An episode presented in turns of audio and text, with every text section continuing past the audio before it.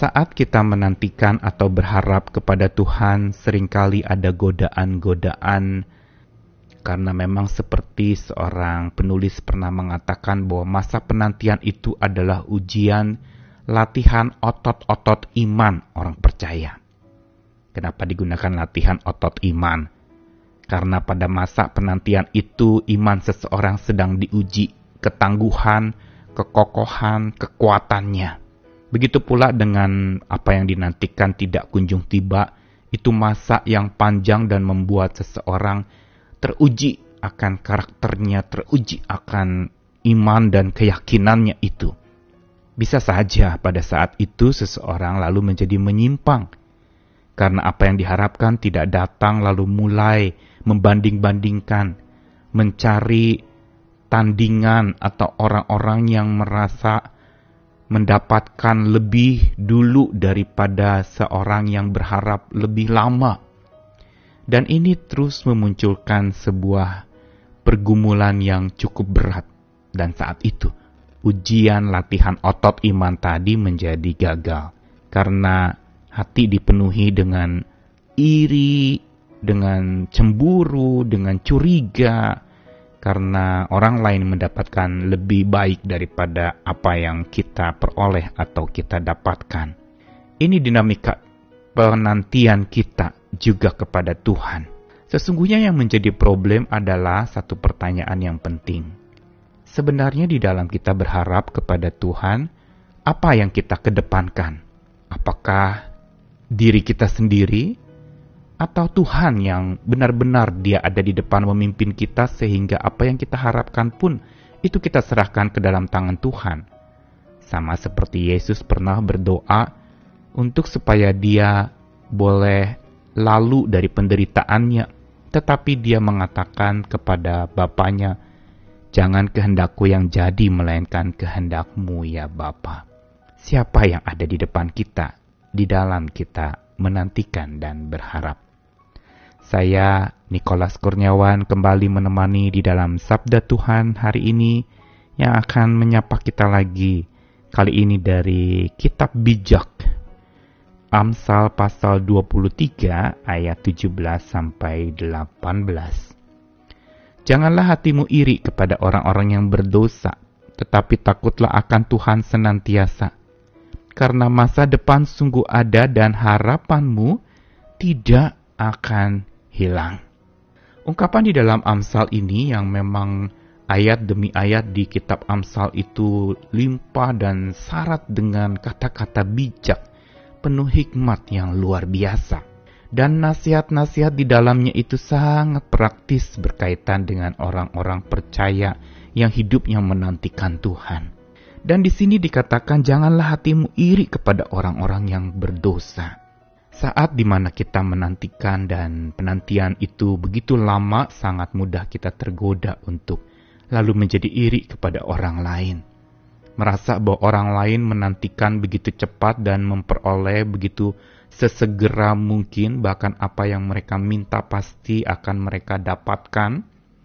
Apa yang mereka harapkan itu selalu mereka peroleh, sementara kita menantikan atau kita mengharapkan tidak menerima apa-apa, sehingga kita mulai goyah di dalam masa penantian itu. Ketika Amsal menuliskan janganlah hatimu iri kepada orang-orang yang berdosa tetapi takutlah akan Tuhan senantiasa.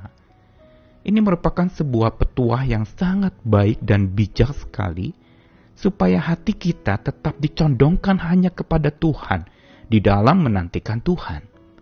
Hati kita tidak dicondongkan pada saat membandingkan atau melihat tandingan-tandingan di sekitar kita. Karena ketika kita membandingkan, hasilnya hanya dua. Kita merasa lebih dari orang lain atau kita merasa terpuruk atau lebih rendah dari orang lain. Dan merasa kurang selalu melihat orang lain selalu lebih baik, pengharapannya selalu terkabulkan, sementara pengharapan kita masih begini-begini saja dan tidak terkabulkan begitu lama. Iri hati selalu menyebabkan kehancuran dan kerusakan otot iman kita. Tetapi takut akan Tuhan senantiasa itulah jalan keluar untuk supaya hidup kita bisa makin terus memuliakan nama Tuhan. Karena itu dikatakan takutlah akan Tuhan senantiasa. Apa maksudnya? Maksudnya takut akan Tuhan di sini bukan bicara takut bahwa Tuhan itu mengerikan. Tetapi takut di sini berarti mengedepankan Tuhan. Menaruh dan memposisikan Tuhan ada di depan kita dan kita ada di hadapannya. Begitu juga arti mengedepankan itu Tuhan berjalan di depan kita dan kita mengikutinya. Ada dua makna mengedepankan Tuhan Ketika Tuhan di depan kita berarti kita selalu sadar bahwa hidup kita senantiasa di hadapan Tuhan. Dia ada di depan kita, dia ada di hadapan kita. Tapi mengedepankan Tuhan juga mempunyai makna dia berjalan di depan kita dan kita menjadi pengikut setianya. Ini arti takut akan Tuhan. Mengedepankan dia selalu. Bukan mengedepankan ego kita, bukan mengedepankan perasaan iri hati kita atau perasaan kecewa kita atau segala emosi-emosi kita. Bukan itu yang dikedepankan, tetapi Tuhan sendirilah senantiasa. Yang kita harapkan itu justru kita taruh di depan. Dia ada di hadapan kita dan dia berjalan di depan kita dan kita pengikut-pengikutnya. Lalu kemudian arti takut akan Tuhan senantiasa itu bukan saja mengedepankan Tuhan, tetapi juga sesuai dengan topik kita, mengharapkan Tuhan dalam arti satu-satunya yang kita nantikan dan menjadi fokus arah penantian kita adalah hanya kepada Tuhan. Bukan semata harta duniawi yang bisa punah dan musnah, tapi melihat kepada Tuhan yang pada saat kita nantikan dan kita harapkan, kitab suci mengatakan kita akan diberi kekuatan yang baru, berjalan tidak menjadi lesu, dan berlari tidak menjadi lelah, karena kekuatan orang-orang yang menantikan Tuhan itu akan seumpama burung Raja Wali yang terbang tinggi yang terus kuat dan kokoh di dalam menghadapi badai kehidupan. Dan janjinya pasti, untuk orang yang sungguh mengedepankan dan mengharapkan Tuhan, maka masa depannya sungguh ada. Dikatakan di dalam Amsal 23 ayat 18. Masa depannya sungguh ada berarti Selalu ada masa depan, tidak ada yang namanya masa depan suram. Selalu ada masa depan yang tersedia. Berarti ada satu kecerahan yang ada di depan sana. Walaupun mungkin masa ini masih kelam, tetapi masa depan berarti itu bicara soal ada hari esok buat kita. Dan selalu ada hari esok buat orang percaya. Dan harapan tidak akan hilang. Ini janji Tuhan yang jelas sekali bagi orang yang hidupnya takut akan Tuhan senantiasa. Harapannya tidak akan hilang. Berarti selalu harapan itu ada memunculkan semangat, kekuatan untuk itu menjadi energi penggerak kita berjalan terus karena kita berpegang teguh kepada pengharapan di dalam dan kepada Tuhan. Itu tidak akan hilang.